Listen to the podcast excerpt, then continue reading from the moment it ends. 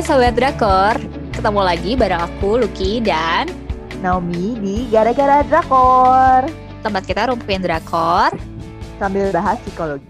Tapi hari ini kita eh, udah nggak terlalu banyak bahas psikologi. Kita menyeberang bahas dari segi yang lain. Karena eh, kita udah bahas eh, drama ini udah dua kali ya Ki ya. Yes, betul. Apalagi yang kedua kita udah bahas banget mulai pakai benar-benar pakai teori psikologi malah ya Hmm, nih drama yang hmm. satu ini.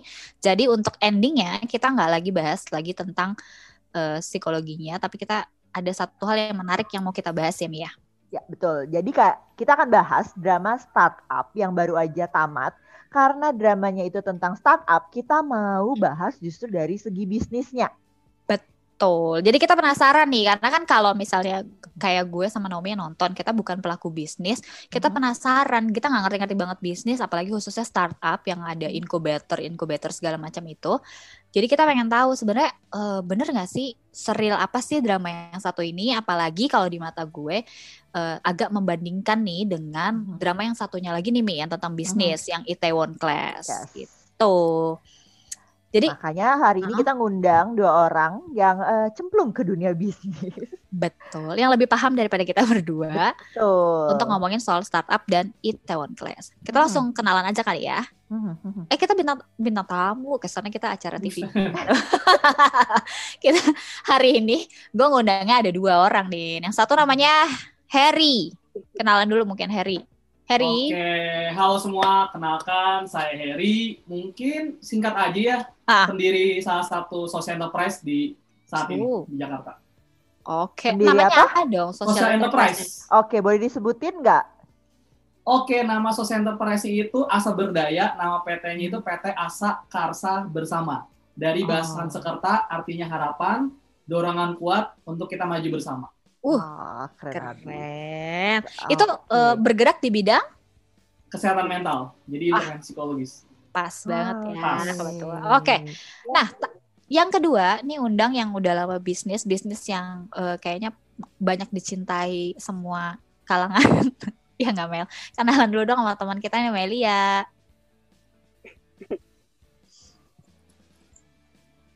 Halo, Nah, Halo. apa-apa. agak Dengeran delay. nggak? Kedengeran. Kedengeran? Mm-mm. Cus, Eh, kenalan oke. dulu Mel. Oh, halo, aku Melia Haruko. Jadi aku tuh punya usaha namanya Haruko Coffee. Mhm. Eh, dan fokusnya itu eh, green be- roasting bean sama cold brew coffee. Usahaku tuh sekitar sudah berjalan empat tahun dan eh, apa namanya sudah sedikit-sedikit ekspor gitu kan, walaupun belum banyak, Ya. masih skala mikro lah, masih Hmm. UMKM lah kategorinya gitu. Asik. Oke lah ya. Oke. Jadi di sini ada pengusaha kopi dan pengusaha yang beneran apa di bidang mental health lah ya sebenarnya ya. Ya, Oke. Betul. Dan mereka berdua sama-sama nonton startup. Benar begitu? Nah, Betul. Makanya kita eh, undang mereka untuk ngomongin soal kan karena mereka juga lagi menjalani startup. Jadi kita mau ngomongin soal startup dari eh, perspektifnya mereka yang melakukan bisnis kayak gitu. Oke. Mau sweet dulu atau gimana atau siapa yang mau mulai duluan cerita? Pertanyaan sesimpel ini. eh jadi kalau menurut kalian nih, kalau kemarin kan kita selalu bilang ya gara-gara drakor ini tuh mau ngasih tahu sebenarnya kalau dari drama yang satu ini kita tuh bisa belajar apa sih gitu. Nah, karena kita lagi bahas startup dulu deh gitu. Kalau menurut kalian berdua, apa sih yang bisa kita pelajarin dari si startup ini khususnya bagi yang memang lagi memulai startup atau lagi memulai bisnis? Boleh siapa duluan? Mau Melia dulu? Oke. Oke. Kalau aku kan eh apa sih namanya ada beberapa beberapa hal tuh inline ya. Mungkin juga kalau yang nonton startup kan di startup kan suka dikasih apa sih note-note ya eh kayak apa? Ini Oh, artinya kayak apa gitu. gitu ya? Merger, footnote. akuisisi Oh, sama oh, apa? Ah, oke. footnote gitu kan suka dikasih-kasih mungkin mungkin kalau orang yang nggak nggak ngerti dia harus baca footnote footnote itu kan gitu kan jadi Hmm, ya saya sendiri aja pelaku kadang-kadang suka bolak-balik bolak-balik jadi yang saya paling ingat itu adalah kita ketika bagi saham ya itu ada namanya Oke. itu kalau nggak salah di episode berapa ya sembilan ya bagi saham Mhm. jadi eh, kalau kita bagi saham itu saya kan memang starting mau bikin PT kan. Cuman kan Hmm. kalau di undang-undang yang baru itu kita bisa bikin PT sendirian. Tapi kan kalau di undang-undang yang lama syarat-syarat pendirian PT kan bertiga orang. Nah kalau di Oh. mereka kan berlima. Nah kadang-kadang kita selalu berpikir untuk bagi saham itu tiga sama rata seperti seperti kayak di film startup itu kan Ah. baginya kayaknya mesti adil gitu seadil-adilnya Oh, gitu yang kan. Ya, Nah, betul. tapi itu memang akan kesulitan ketika episode berapa ya? Sembilan ya. Tapi memang itu akan kesulitan ketika eh, apa namanya? Ketika eh, penentu penem- penentu sebuah perusahaan itu siapa sih yang tulang punggung perusahaannya itu gitu kan. Nah, itu ada plus minusnya sebenarnya. Terus yang kedua, kalau kita jadi pebisnis ya, walaupun saya dulu adalah karir wanita karir lah ibaratnya posisinya lumayan gitu ya di perusahaan, tapi ketika berbisnis itu kan berbeda ya. Harus pertama tuh harus ada mentor. Nah, mereka kan Ah. akhirnya masuk ke startup itu kan ada mentornya kan. Hmm. Yang kedua, lo harus punya bisnis plan. Nah, sementara kayak si Nam Dosan itu nggak punya bisnis plan kan, dia hanya cuma taunya Dia hanya Ya, berlayar eh, apa namanya peta. eh, IT gitu kan Aha. programmer dia nggak punya bisnis Betul. plan misalnya Hmm. lima Ya. tahun mau jadi apa dua tahun perusahaannya mau jadi apa Aha, aha. Ya kan terus Ah, dia gitu dia mau sales berapa gitu kan dia tuh nggak punya bisnis plan itu yang harus ternyata tuh jadi pelaku usaha tuh memang harus punya bisnis plan maksudnya min- Oke. minimal lu tuh goal lu jangka pendek apa sih ibaratnya gitu. Nah, terus yang ketiga yang gue inget lagi adalah eh, laporan keuangan. Nam dosen itu nggak punya laporan keuangan kan, jadi ketika Ya, si bapaknya datang ya. minta nggak- dia nggak pertanggungjawaban, ngerti, ngerti akuntansi duit gue soalnya dia ke mana? kan ngertinya IT. nah, gue duit gue ada di mana nih gitu kan, duit Ah. gue ada di mana gitu kan, dia nggak bisa nggak bisa feedback kan. Nah, Ya betul terus betul. yang ketiga kita tuh eh, yang keempat kita tuh selalu kalau perlu ke usaha ya ngomongnya CEO. Jadi dibilang kalau di sana kan Hmm. CEO ibaratnya kan chief eh, executive officer. Kita Hmm. tuh bilangnya chief everything officer. Jadi kalau pelaku usaha tuh sendiri pengen ngelakuin semuanya. Pengen jadi oke. direktur iya, pengen jadi finance iya, pengen jadi desainer iya, semuanya kita pengen lakuin gitu kan. Karena pertama-tama kan mungkin masalah duitnya gitu ya. Mungkin ya pertama-tama kita emang akan melakukan itu semua. Cuman ketika udah ada investor, kita nggak Hmm. bisa melakukan itu semua. Nah, Ah, gue tuh udah pernah dapet investor dalam angel investor ya satu tahun ya gue pernah tuh dapet dari salah satu lembaga. Itu Mhm. benar didampingin. Kalau dia tuh angel investor itu gini loh. Angel investor itu ibaratnya orang yang udah kelebihan duit, ya Jadi nggak minta balik aja ya, gitu kan oke. kasarnya gitu ya. Ya, ya, Nggak minta balik. yang Nah, pas tapi- terakhir ya, yang dia ngasih uangnya aja gitu. Nah, Oh, Oke oke. ngasih duitnya aja tapi angel investor itu ngasih nggak nggak cuma sekedar pengen lihat orang yang dia kasih itu apa develop ya tapi Hmm. harus ada value-nya gitu loh ibaratnya usahanya tuh ada value-nya Oh, Oke oke. makanya ket- ketika terakhir Gipio ngasih duit sama si siapa sih itu itu yang di hotel Yonggil. Deruna ya Yongsil. dia kan Yongsil. eh, dia kan Ya, inget Jut, kan pesan-pesan Hmm. si nenek kan lo eh, lo harus ngasih sama orang yang ngebutuhin gitu kan nah itu kan kelihatan ya bisnisnya itu buat anak panti asuhan gitu Hmm. kan ada value-nya gitu loh di situ nah angel investor itu akan lihat itu I see. Angel. Oh ternyata nah, dia jadi angel semua investor orang tahu ya bahwa, ya. bahwa di sini banyak banget angel investor kalau kalau mau teman-teman Ah, Nah, jadi investor Jadi lo kalau mau usaha itu harus apa ya harus ada value nggak cuma sekedar eh, banyak orang kayak pesaing-pesaing gue tuh menjual kopi sama banyak gitu kan. Iya, Tapi nggak semua orang tuh punya value di dalam di dalam bisnisnya dia gitu. Jadi jadi misalnya jadi, kalau jadi kayak bangsanya siapa eh, Naomi misalnya punya walaupun misalnya punya usahanya adalah psikologi gitu ya. Jadi mungkin harus ada value yang berbeda gitu karena semua orang jadi psikolog banyak psikolog gitu kan. Yang membuat lo berbeda apa misalnya kayak gitu. Jadi ya Oke. jadi setiap Ah. orang tuh memang harus punya diferensiasi gitu kan. Jadi biar ada value-nya Hmm. gitu. Itu yang gue paling ingat Oke. sebenarnya di film. Berarti- Walaupun sebenarnya urusan berarti bisnis kayak misalnya- lebih banyak ya daripada urusan bisnisnya ya. Oh ya sih. Nah, ya Banget, itu itu salah banget, sih. banget banget. Jadi jadi tuh kayak kayak Hmm. Namdosan dan Samsan Teh bikin kayak non gil dan mereka tuh nggak tahu bahwa ini bisa menghasilkan uang. Itu akan sangat dipertanyakan sama investor dong ya. Kalau dia tujuannya Ya, bukan untuk betul. angel investor gitu ya. Oke. Iya. Jadi wajar gitu Karena kayak kalau investor itu Mas- pasti wajar. wajar Pak Han marah-marah ya. wajar ya walaupun sebenarnya kalau uh, angel investor gue dulu nggak pernah marah-marah sih gitu kan uh, cuman uh, apa ya kita memang butuh butuh mentor gitu ya karena kita harus hmm. melihat jadi gini jadi CEO gitu ya jadi pemimpin atau enggak jadi pelaku usaha kita harus melihat itu dari atas melihat segala sisi gitu kan melihat hmm. kiri kanan depan belakang. Tapi kalau sebagai enam dosa dia nggak bisa melihat itu dia harus ya, ya fokus ya, sama programmer aja gitu kan. Mm-hmm. gitu. Jadi right man in the right place gitu kan dia kan. Benar, benar. jadi mungkin ya itu tadi enam dosa bisnis yang nggak mungkin. Enam dosa tuh emang cocoknya buat jadi dosan, programmer dosan, aja. gitu. Betul setuju? Iya gitu. Mm-hmm. punya jadi setelah bertahun-tahun dia ketemu Dalmi. ya setelah bertahun-tahun ketemu Dalmi dan uh, Pahan baru akhir dan sampai ke Amerika dulu baru balik lagi akhirnya baru sadar bahwa gue nggak bisa jadi bisnismen gue jadi programmer aja. Tuh. gitu ya. Nggak apa-apa yang penting walaupun telat yang penting dapat hikmahnya. Ya, ya kan? betul. betul. Sama mungkin yang salah satu kalau pelaku usaha berbeda ya. Misalnya mungkin hmm. kayak gue gue mengerti jalan berpikirannya enam dosan tapi mungkin uh, karena kalau si Ji Pyong itu kan uh, ini banget investor ya apa sih namanya? ya, investor, investor ya finance juga. banget gitu loh hitung hitungan banget. Uh-huh. jadi dia selalu bikin satu plus satu udah pasti dua. Sementara kalau pebisnis gitu ya ibaratnya kalau lo punya naluri bisnis satu plus satu bisa jadi lima bisa jadi empat. Nah jadi lo inget ya di adegan adegan di yang di lift. ya, yang di lift itu ya. Hmm gue karena gue selalu bilang ini kan dulu ya kalau kerja gitu. Uh, kita nggak boleh merencanakan kegagalan.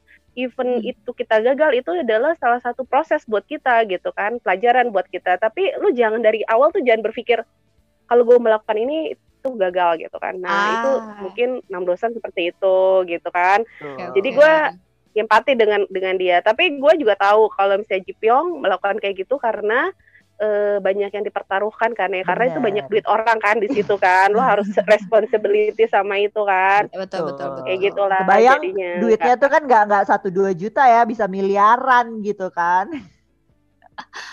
Oke baiklah sekarang iya, kita dengar dari dan uh, itu kan eh, manajernya juga lumayan gitu. Yes, iya banget. betul. Ini sambil okay. promo kopi ya dia ya Allah nggak apa-apa bagus. nah sekarang kita beralih nih ke cowok satu-satunya today. Minum kopi. Ya benar nggak apa-apa nggak apa.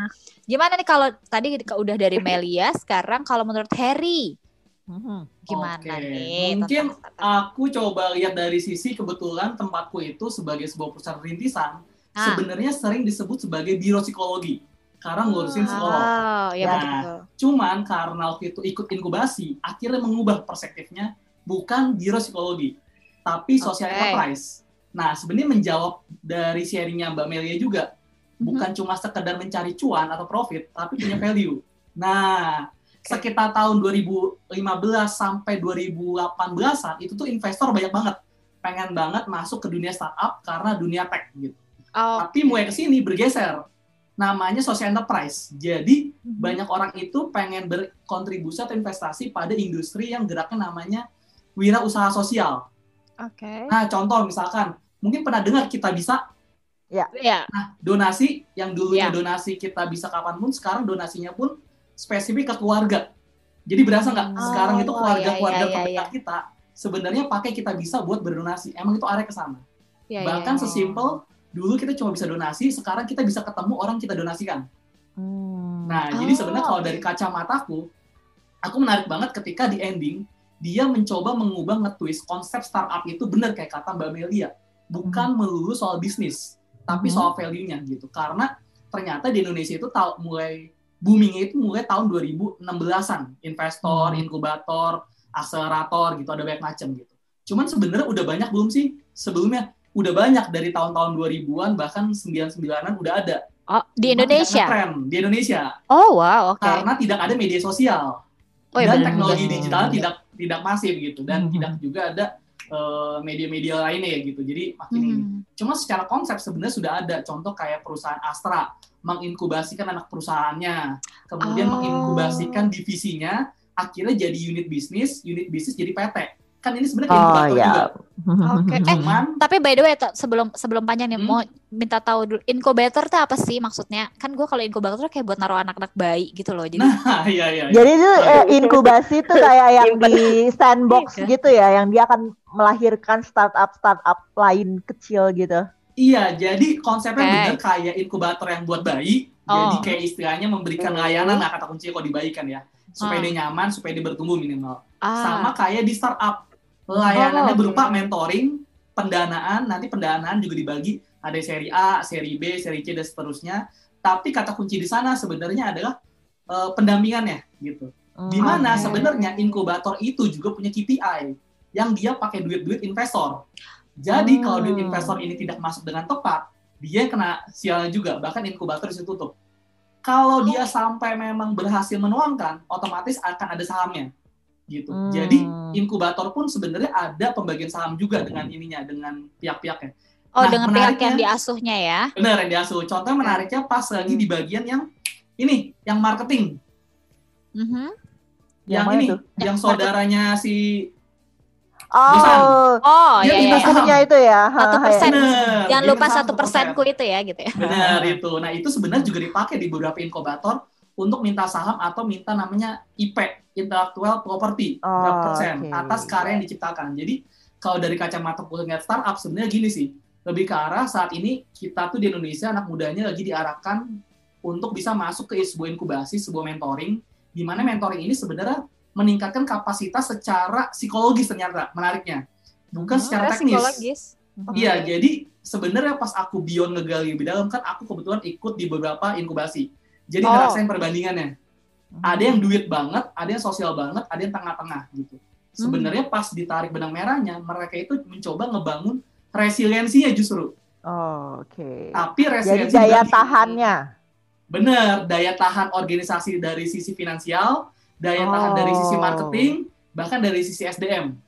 Gitu. Jadi okay. dari awal pun kita mulai digembur tuh bisnis plan seperti tadi Mbak Meli bilang, nanti bisnis plan naik ke konsep marketingnya gimana, naik ke revenue streamnya gimana, dan okay. akhirnya sampai titik By the way, uh, kalau mau masuk ke inkubasi ini, itu gimana caranya? Maksudnya apakah ada uh, apa ya perusahaannya atau apa gitu? Itu kan kayak sandbox daftar gitu kan ya? Gitu ya? Daftar, daftar ke mana? Oke, jadi beberapa itu ada ada beberapa jenis. Jenis yang pertama Aha. adalah kita bayar dengan nominal tertentu, mulai dari 3 juta bisa sampai sekitar 30 juta. Uh-huh, Itu yang paling gampang, siapa pun bisa bayar gitu. Yeah, yeah, yeah. Tapi ada suenya juga di situ. Kemudian yang kedua adalah berusaha bikin proposal. Itu yang paling challenging karena bersaing dengan proposal ratusan lainnya. Itu bikin proposal ke siapa? Ke inkubatornya. Oh. Jadi inkubator gitu. banyak lah ya.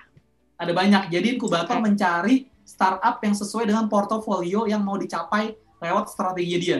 Oh, nah, okay. kalau kita re relasiin ke si sandbox nih, kira-kira itu sebenarnya udah menggambarkan inkubator yang ada nggak sih maksudnya? Di Indonesia, menurutku pribadi, hmm? sebenarnya kehadiran sandbox itu cukup menggampar banyak inkubator di Indonesia. Oh, juga. Oh, oke. Okay. Cukup menggampar. Kenapa? Karena memang banyak inkubator itu karena fokusnya KPI, jadi itu mereka memang mendorong ya udah achieve, achieve, achieve secara hmm. finansial gitu. Hmm. Tapi kan yang menariknya kalau kita di industri psikologi ya, menurut aku tuh untuk bisa achieve KPI, kalau kita kembali ke konsep balance scorecard, ada finansial, ada customer, ada internal proses. Hmm. Nah, di internal proses kan manage orang-orangnya, SDM-nya.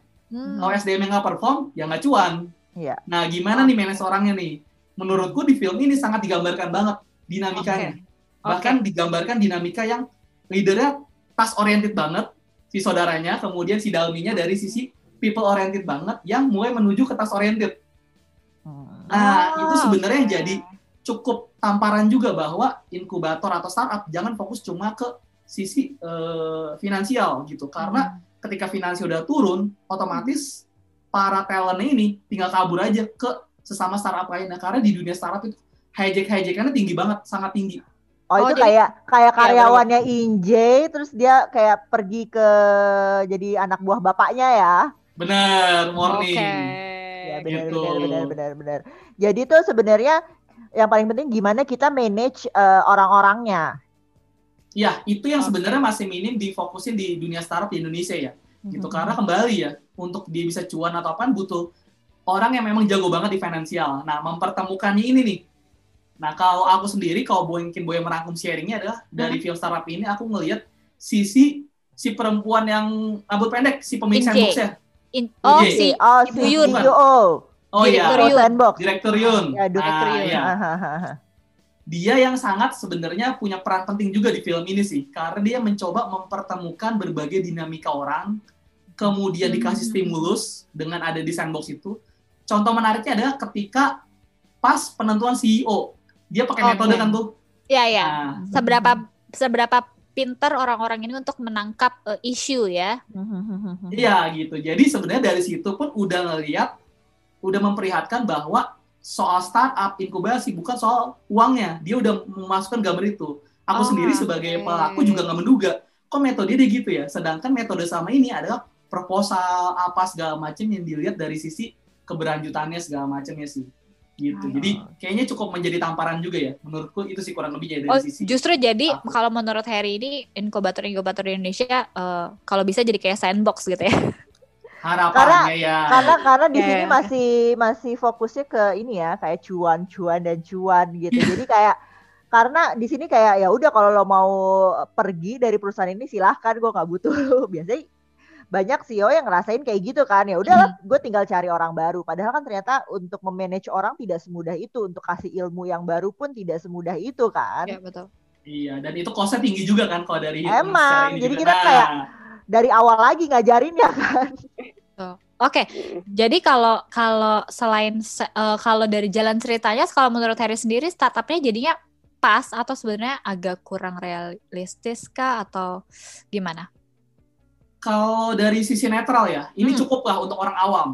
Ah. Tapi memang kalau dari sisi buat kita pembisnis ya sangat kurang sih gitu. Cuman kalau dari kacamata aku pindahin kacamata netral, ini hmm. cukup kok buat orang awam tahu bahwa saham itu kalau misalkan orientasinya ada di investasi, benar harus ada yang lebih tinggi.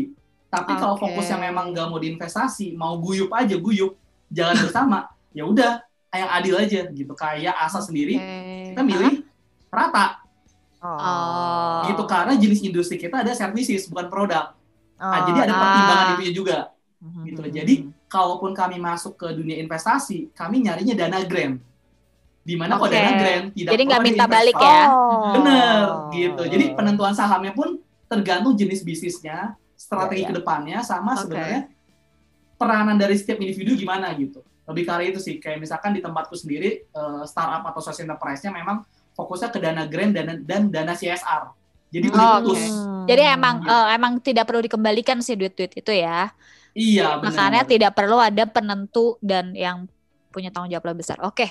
Gitu. Hmm, hmm, hmm, nah, kalau tadi tentang startup, ya kan, kita tuh punya drama Korea satu lagi yang tahun ini sih sebenarnya. Tapi kalau Naomi nggak nonton ya? Nggak. Itaewon Class yang main uh, kayaknya Park Seo Iya, Park Seo Kesayangan banyak orang yang di situ nggak nggak ganteng-ganteng Iya, itu, itu, itu dia kenapa gue nggak nonton karena gue terganggu rambutnya. Rambut ke, si rambut kenari itu. Nah, kalau hmm. misalnya uh, kita nggak nggak apa-apa lah kita sekali-sekali comparison ya karena kan sebenarnya ini mirip sebenarnya uh, kalau misalnya banyak kalau yang di Instagram itu justru kalau investor-investor membandingkannya antara si Park Seroy-nya sama si Ji Pyong justru karena kan hmm. memang sebenarnya investor di situ. Nah, tapi kalau secara keseluruhan film gimana menurut nih Melia dan Harry sebenarnya kalau untuk belajar bisnis istilahnya untuk ngedapetin sesuatu insight tertentu dari bisnis enakan nonton startup atau Itaewon? Hmm. Kalau kalau gue sih sebenarnya oh. lebih banyak dapetnya dari Itaewon Class ya daripada hmm. di startup ya.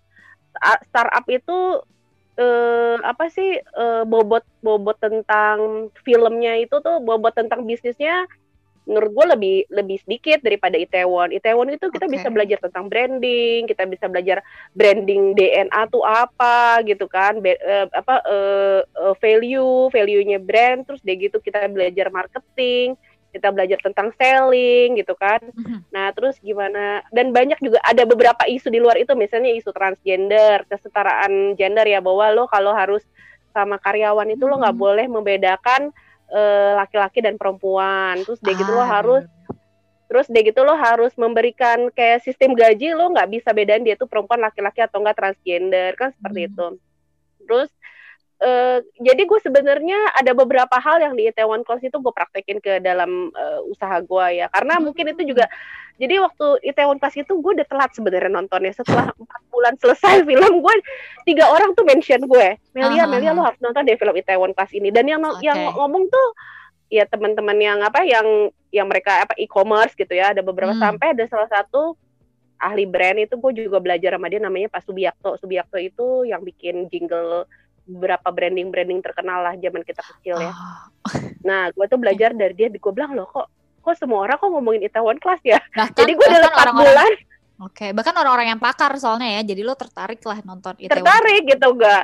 Gue nonton lah akhirnya tuh Itaewon Class gitu ya, uh, apa namanya? Dan dia dari pertama, kedua, ketiga, empat seri aja gue udah, wah ini keren nih film. Maksudnya uh, kayak kita ibaratnya belajar apa belajar tapi berupa film gitu kan. Ya, ya, Kalau startup kan lo kayak nonton film drama percintaan Korea tapi ya, ada ya. bisnisnya gitu aja ya. kalau gue dibalik aja. Ini tuh kayak bumbunya tuh uh, bisnisnya ya. Kalau itu Class tuh bisnisnya yang utama. iya, jadi yeah. lo belajar oh branding dia. Nah, lo gini, lo branding film. Gue kan bukan orang marketing sebenarnya. Gue tuh orang sales basically. Jadi okay. gue karena bisnis sendiri gue harus belajar dong marketing, branding gimana. Lo kalau misalnya uh, kenapa nama kenapa gimana caranya menentukan sebuah nama gitu kan? Kenapa dia bikin namanya Itaewon Class gitu-gitu kan? Oh iya itu kan ada pelajarannya. Itu kan ada pelajarannya di branding gitu kan. Terus dia gitu eh, apa namanya eh, kenapa ketika di sesi terakhir itu kan dibilang kan ketika lu ingat gak di sesi terakhir itu ketika dia memutuskan kontrak dengan Cina terus si oh iya betul. Tujuannya nggak mau kan? Nggak boleh nggak boleh. Maksudnya kan karena lu dulu susah sama-sama Ya, itu betul. sama sebenarnya uh, untung uh, lu tuh harus mengedepankan manusia daripada mengedepankan ya keuntungan itu penting tapi manusia penting dan ya. itu kelihatan ketika saat pandemi kali ini lo kalau UKM mm-hmm.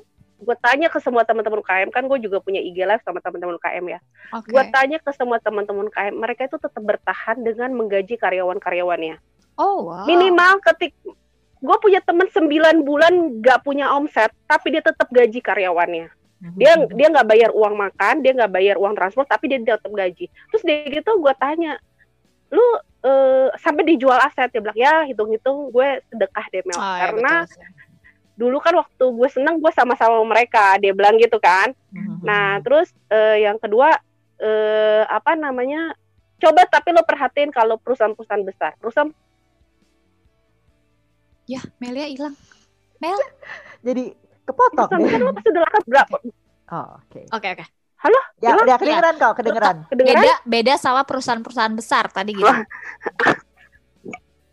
perusahaan besar. Kalau hmm. lo perusahaan besar, lo lihat branding-branding yang besar ya, hmm. uh, lo udah mau PHK PHK aja kan kalau direktur utamanya nggak kenal sama lini terbawah lo kan, lo nggak tahu yes, siapa yeah. salesman lo, lo nggak tahu siapa barista lo ibaratnya gitu kan. Hmm. Tapi kalau UKM UKM itu mereka kan punya punya apa ya kedekatan emosional yeah, yeah. yang lebih ya. Sam, uh, mereka kenal siapa karyawannya, dia kenal karyawannya tuh latar belakangnya kenapa gitu kan. Nah mm-hmm. itu akhirnya UKM UKM ke teman-teman gue semua UKM pada begitu sekarang. Jadi minimal kalau nggak bisa gaji karyawan, mereka bilang paling nggak gue kasih share kata dia gitu. Jadi kalau bulan ini gue omset gue cuma 5 juta oh. ya udah gue bagi Mel, gue bagi karyawan gue ada tiga misalnya dia.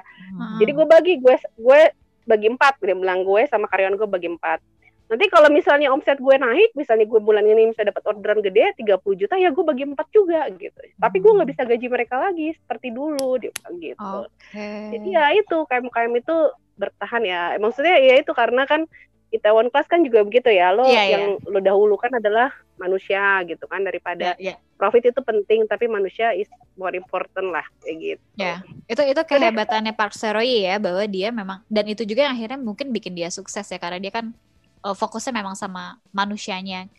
Manusia. Ada, dan dia tuh seben sebenarnya gue lihat ya gue tuh kan juga baru-baru nonton Korea ya maksudnya ya. Okay. gak khatam tapi menurut gue tuh dia tuh kalau acting itu dari setiap film-film tuh berbeda-beda gitu. Oh itu emang itu emang gitu kayak Bung Lon ya. itu emang hebat ya dia. dia dia, dia perannya bisa beda-beda sih ya emang ya. Mukanya Mes, juga bisa iya, beda-beda. Iya meski yang meski yang terganteng kalau dia jadi CEO tetap ya. Ah iya tetap apalagi kayak yang di sekretari Kim kan gantengnya parah kan Jadi emang kayak jomplang gitu visualnya. dia dia kenapa dia sebenarnya menurut gue dia nggak ganteng ya? Dia mungkin karena charming gitu. Jadi ya, maksudnya dia, lo nggak nggak proporsional gitu. Muka bentuk mukanya kan nggak proporsional menurut gue ya. Yeah. tapi dia tuh karena dia charming jadi kayaknya keren aja gitu loh dia. Dia dia punya daya tariknya sendiri lah ya kalau PSG dia lah PSG PSG ya, ya, Iya itu Park Seo Joon. Park Seo Joon. ya, dia, dia namanya suka di kayak Lee Min Ho kan LMH gitu. Jadi kita harus Nam harus Nam Jo Hyuk NJH gitu. Memahami singkatan nama-nama oh, di Korea. Ya. Oke. Oke. Kalau Harry nonton nggak Itaewon Class? Nah, nonton mungkin kalau aku gini yang ngebaginya ya. Kalau hmm. nontonnya mau cari motivasi, nontonlah yang pertama yang si Itaewon. Startup. Oh, startup. Oh, oke. Okay. Startup. Gitu. Kalau nyanyi motivasi. Okay. Kalau misalkan mau detailnya, nonton Itaewon. Kenapa kalau misalkan nonton Itaewon, jadinya orang jiper. Wah, susah itu ya. Oh, Dan susah itu. susah. Oke, okay, oke. Okay. Gitu. Dan memang kan industrinya adalah yeah, yeah, industri yeah. makanan gitu. Bahkan di setiap episode kan beberapa kali dia ngerasain bangkrut ya. Betul, betul, betul. saingannya gitu. Dan injak-injakannya tinggi ya gitu. Mm -hmm. Karena apa aku ngeliat dari perspektif itu karena memang kalau di kurikulum inkubator itu tuh di bagian awal itu tuh mencari value passion hmm. sama nggak nih antar organisasi antar individunya baru naik ke masuk ke kurikulum teknisnya uh, finance jadi, branding dan kawan-kawan jadi teman kelas itu sebenarnya uh, lebih mendekati realita ya bener bener banget realita banget jadi hmm. kalau Itaewon menurutku itu adalah si konsep teknisnya dibungkus dengan cerita narasinya. Ah. Seperti modelnya ini. Sekarang kan banyak banget ya web series. Ya. Nah, oh. hobiku itu ada nontonin semua web series karena itu dibayar mahal sama sebuah perusahaan buat uh-huh. package sebuah produk. Kita uh-huh. sebagai konsumen yang enak nonton oh. sebuah film yang harganya mahal banget. Oh tapi oh iya kayak, bagus. kayak kayak handphone terus ada website terus kayak dipakai handphone kayak jualannya tuh jadi nggak terlalu kayak hard selling gitu kan iya yeah. yeah, hard selling oh. hard selling gitu kayak kayak apa tuh handphone Samsung yang di drama Korea tuh Aduh. kayak set, kayak di brainwash gak sih setiap kita nonton drama Korea itu sampai gua kepikiran loh apa gue beli aja sampai bingung ya tapi kan sampai... kan itu emang itunya apa tapi kan memang ya pemerintah Korea itu itu kan punya regulasi bahwa setiap film harus pakai produknya dia gitu iya, kan. Iya betul. Jadi betul. Ya benar. jadi jadi menurut gue memang mengapa industri hiburan dia sangat berkembang sampai K-pop berkembang juga di Indonesia itu nggak nggak hanya sekedar campur nggak hanya sekedar siapa sih agent-agentnya itu memang yang agresif marketingin tapi emang udah dibantu sama pemerintahnya. Ya, ya. sampai sampai kayak BTS pun dia boleh mangkir uh, mundur ininya ya wamilnya. Wamil. Itu tapi tapi gue rela itu nggak hanya BTS jadi itu berlaku untuk semua asalkan mereka hmm. benar-benar mendukung bahwa uh, culture karena itu pernah terjadian sama GD sebenarnya. G Dragon tuh adalah kayaknya idol pertama yang bisa di usia 32 30 tahun Korea. Hmm, persis 30 wow. tahun padahal undang-undangnya udah 28 tahun waktu itu. Benar. Gitu. Jadi jadi memang dari kebijakannya pun emang mendukung si entertainmentnya untuk mendunia gitu ya. Jadi kita tuh ke brainwash dan gara-gara drama Korea, gara-gara hmm. K-pop kan akhirnya jadi banyak kan yang ke sana. Iya loh. Sampai kayak sampai kayak gue belajar bahasa Korea ya kan. Iya, gila. Sampai tadi iya kan. Sampai tadi Harry cerita juga temennya ya ke Korea juga ya kan. Iya benar-benar. Gue gue gue nggak pernah kepikiran ke Korea tapi gara-gara nonton drakor sih gue jadi kepikiran sih. Begitu ke Korea ke, ke tempat-tempat yang di film-film itu kan. Iya, iya, iya, iya. Nah, gitu kan gue iya, ke tempat iya, yang gembok-gembok cinta iya. gitu. Kan. Pokoknya gue gue akan uh, apa scene-nya apa gue ikutin gitu. Sampai emang ada agensinya loh beneran loh. Jadi sekarang tuh sampai ada agensinya memang misalnya uh, lagi dulu kan emang di diawali sama Winter Sonata ya, ya kan? Jadi dia ada Nami Island nanti ada tour betul. Winter Sonata tour. Dan ternyata itu akhirnya setiap drama yang booming itu ada. Jadi kita akan mengunjungi ini loh waktu makannya. Apalagi yang PH itu loh The King itu katanya ada. Jadi oh iya benar mereka tuh kayak kafe -kafe. oh sama yang ini makannya di situ gitu. stars. Itu ah, itu juga ngunjungin apartemennya kayak gitu, yeah. Gitu. jualan emang tapi sebenarnya untuk suatu industri bisa apa ya bisa berkembang emang harus ada kebijakan pemerintah yang mendukung juga sih ya. Kalau enggak kan ya iya. yeah. dong. Ya, benar benar nah tapi secara, secara keseluruhan nih kalau tadi sih aku udah nanya uh, offline kalau sama Harry. Jadi kita nanya online-nya nih ya biar pada dengar. Sebenarnya kalian berdua nih memang nonton drama Korea atau nonton kayak tadi Meli nonton di Taiwan Class itu kan karena disuruh tonton. Tapi sebenarnya nonton gak sih kalau drama Korea yang lain yang di luar bisnis-bisnis nih? Oh, Ada beberapa gue tonton. Oh ya. Ya, Harry dulu eh? boleh. Oh, mungkin kalau dari aku sendiri sih sangat limited ya karena bukan penggemar ini juga ya. Cuman tertariknya itu karena memang mereka mencoba memasukkan berbagai value Korea ke dalam film. Nah, ah. akhir-akhir ah. ini ini karena memang banyak kayak bisnis, akhirnya aku sih baru tertarik ya masuk ke memahami ceritanya ya gitu. Jadi okay. baru pendatang juga. Oke. Jadi setelah baru mendatangi si dimulai dari drama-drama berbau bisnis, mulai tertarik nggak nonton drama Korea? Kita nih kayak mau ngeracunin gitu ya Mi ya? Nah tertarik banget karena karena kayaknya memang dari web series sudah mulai habis nih jatah iklannya kayaknya kayak mulai beralih nih ke sini nih gitu. I see. Wah, teh keren juga ya nih Taiwan dan uh, Class dan startup nih ya. Berarti ya kalau buat Harry bisa membimbing untuk mencari drama yang lain ya. Tapi kalau ya, misalnya uh, ada orang pebisnis atau bikin startup, kalian uh, merekomendasikannya film apa sih yang bisa menginspirasi dan menggambarkan dunia bisnis atau startup? Maksudnya? Maksudnya? Kayak drama atau film deh yang kalian rekomendasikan yang bisa menggambarkan ah. dunia startup atau dunia, dunia bisnis. Di luar tadi film. kita ngomonginnya startup dan Itaewon ya tapi ada lagi nggak sih yang udah pernah kalian tonton gitu? Film drakor. nggak harus drakor. Harus drakor ya? nggak nggak. Mungkin kalau dari aku ini sih ada namanya DBS Parks mungkin coba nonton deh di YouTube. Itu ada episode 1 okay. sampai udah season 2 deh season 1 season 2 itu tuh mencoba mempackage bener-bener dalam waktu 15 menit itu tuh ngebangun bisnis gimana, persaingannya gimana segala macam sampai ke ah. misi sosial. Apa Jadi kalau di DBS, DBS Parks. Park. Dia web series oh, dari Singapura. Singapura ya? Iya ya, gue pernah nonton, gue pernah nonton. Nah, di Indonesia okay. itu dibikin sama ini pembuat filmnya yang ini tahu nggak pas lagi pandemi cerita telur, telur ceplok. Enggak.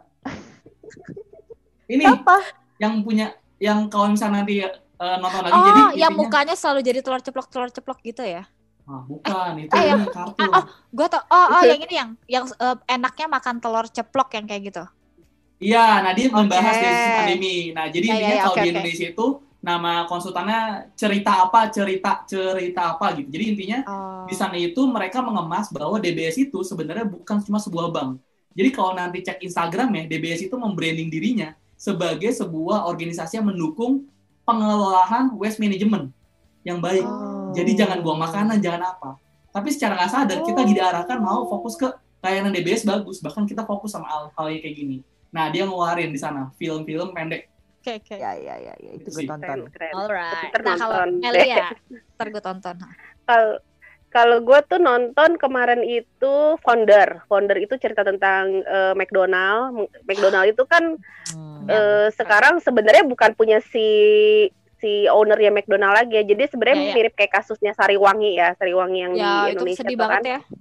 Nah, jadi sebenarnya McDonald itu nah sama seperti kita tuh benar-benar ya memang harus melihat kontrak gitu ya kayak kayak si Naomi, eh kok Naomi, siapa? Dalmi, Dalmi itu kan, Dalmi, Dalmi, Dalmi gitu kan, Dalmi itu kan uh, kalau yang gue pelajarin Dalmi itu sama si enam dosar itu kan nggak ngerti bahasa Inggris ya, nggak ngerti bahasa Inggris kan si Saha kan, Saha ya, itu mungkin betul. juga Inggrisnya mungkin dia Inggris, mungkin karena dia lawyer ya, tapi ya. uh, gue sangat sangat bener-bener itu masalah kontrak. Karena gue juga pernah ada ada masalah dengan angel investor gue karena kontrak gitu ya. Tapi karena gue hmm. mengerti hukum dan lagi gue ngerasa gue tidak one prestasi gitu kan, mm-hmm. uh, gue apa uh, merasa nggak one prestasi itu tidak tidak melanggar isi perjanjian gitu kan ya gue nggak bisa diapa-apain gitu kan yang salah lo jadi waktu waktu gue sama angel investor gue mm-hmm. yang masalah dia tidak menulis detail kontrak itu dia bukan gue gitu kan kalau gue merasa gue yakin dengan kontrak ini gitu. Jadi sehingga gue nggak bisa diapa-apain. Itu ya itu yang sangat sangat penting. Kalau nggak ngerti memang kita ya? kasih ke lawyer gitu kan.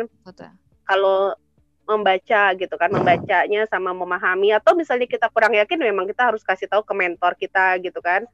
Nah film yang itu film uh, The Founder tuh seperti itu. Founder itu uh, apa namanya uh, tentang McDonald ya itu. Terus yang kedua itu gue nonton lagi Emily in Paris. Emily, in, Emily in Paris itu tentang Emily in Paris. Emily, Emily, Emily itu tentang dunia digital, dunia yeah. digital. Jadi agensi gimana gitu lo, ya? Nah, gimana lo naiknya engagement? Nah itu akhirnya gue praktekin kan sama teman-teman gue nih dua bulan ini. Ah daripada nggak ngapa-ngapain kita oh, ya nonton ya Emily in Paris nonton Emily in Paris gue malah sibuk liatin bajunya Bo. Berarti, berarti kita harus nonton ulang nih kita harus melihat bahwa ternyata bagi pelaku bisnis Emily in Paris ini ternyata banyak banget pelajarannya. Eh, iya sih, dia kan secara dia selebgram ya. Iya, betul. Ya, selebgram. Jadi lu jangan ini apa ya gue juga liatin sih baju-bajunya kan si Emily in Paris. Tapi maksudnya keren banget gitu dari mulai narsisnya dia orang kadang-kadang bilang kok narsis banget sih di IG gue bilang itu personal branding. Gue bilang gitu. Gue nggak mau lewat de, lewat dari pandemik nanti orang lupa lagi. Melo masih bisnis eh, sorry. Melo masih bisnis kopi misalnya kayak gitu kan. Nanti orang lupa sama bisnis gue gue bilang ya, gitu benar. kan. Jadi oh. jadi itu yang harus harus kita tetap pertahankan gitu loh di IG gitu. Ya begitu deh. Pokoknya rata-rata se setiap film pasti ada ada ada manfaatnya ya, lah. betul Setuju. Itulah kenapa ke gue dan Naomi bikin gara-gara drakor ya Mi ya. Ya, Karena kita yakin uh, dari setiap film, khususnya kalau kita berdua di dari setiap drakor itu pasti ada hikmah walaupun sekesel-keselnya kita nonton, tapi pasti ada hikmahnya gitu. Benar. Misalnya hikmahnya oh. adalah tidak perlu menjadi seperti itu. Betul, gitu kan. Karena kalau tadi Harry bilang nggak ada mentor sebaik hati Han Ji Pyong yang abis dipukul masih iya, ngasih bener. insight gitu kan.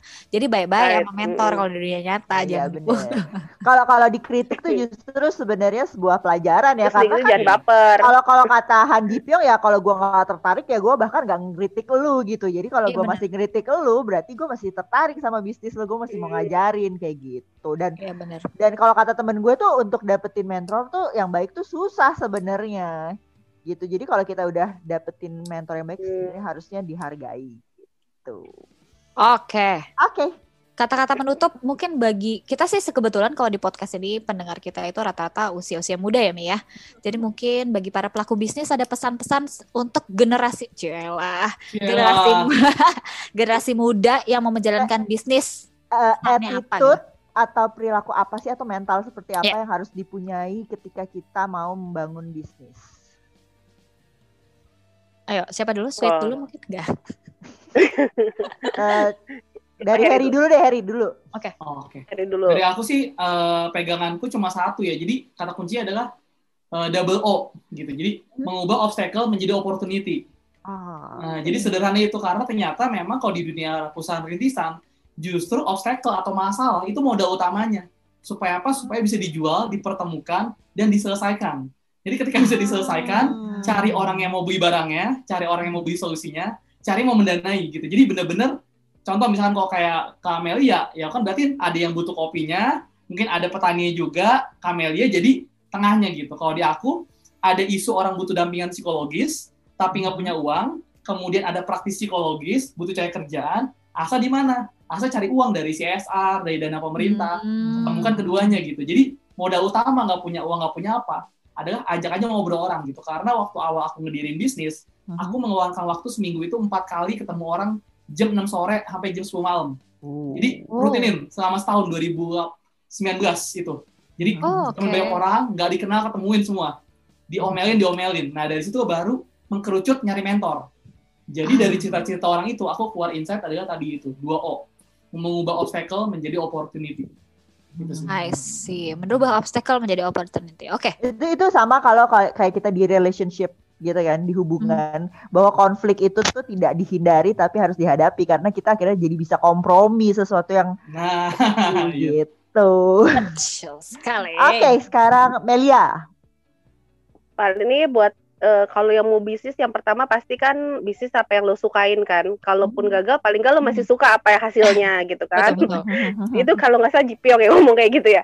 Iya, Terus ya, yang kedua uh, apa sih gue tuh selalu ya kalau anak-anak bukan anak sekarang ya banyak orang tuh yang selalu pengen kalau bisnis tuh pengennya dapetnya instan gitu kan nggak hmm. nggak pengen dapet proses gitu kan jadi ya lo harus trial trial trial gitu kan trial uh, trial apa uh, ya jangan takut salah lah ibaratnya gitu kan ya hmm. karena kalau kalau kita pekerja kantoran gitu ya kalau misalnya kita salah paling dimarahin sama bos tapi kalau pelaku bisnis kalau kita salah itu ya risikonya kita nggak dapat omset gitu kan kita nggak dapat nggak dapat apa nggak dapat sales kan ibaratnya mm-hmm. terus yang ketiga ya banyak yang orang tuh sekarang kalau pebisnis itu memang sih ternyata karena gue udah pernah ngerasain ya posisinya gue posisinya udah cukup lumayan tinggi gitu di perusahaan tiba-tiba gue harus usaha sendiri gitu kan mm-hmm. itu lo pertama lo harus tahan banting karena mm-hmm. kenapa mm-hmm. karena lo kalau gagal kalau dulu kita kerja kantoran kalau kita gagal itu rasanya tidak tidak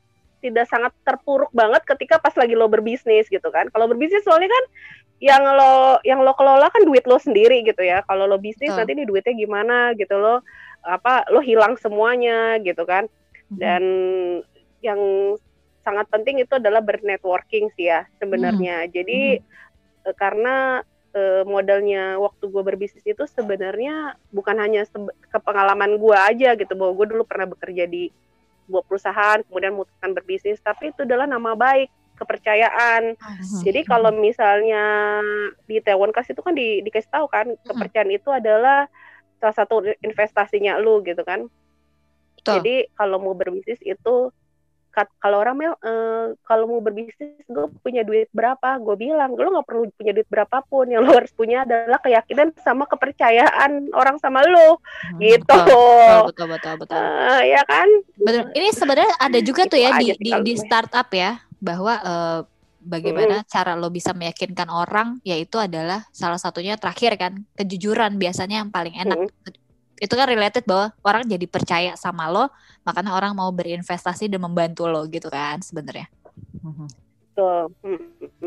oke okay, ya ampun udah nggak terasa udah 40-an menit nih kita nih Betul. seru ya. banget nanti kalau kita mau ngomongin bisnis lagi mungkin kita bisa ngundang-undang lagi ya Ya, betul. Boleh. Okay. Thank you banget okay.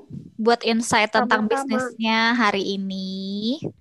Kita sudahi. Itu gak usah di wrap up lah ya. Tadi kan udah ada pesan-pesan. Jadi bener. Jadi sebenarnya uh, apa pun drama Koreanya kita uh, selalu bisa mengambil pelajaran dari situ entah dari sisi psikologis, kalau sekarang dari sisi bisnis kayak gitu. Karena uh, menurutku nggak ada drama Korea yang sia-sia. Bet Betul. Oke, gitu aja dari kami berdua. Kalau gitu sampai ketemu di episode selanjutnya. Bye.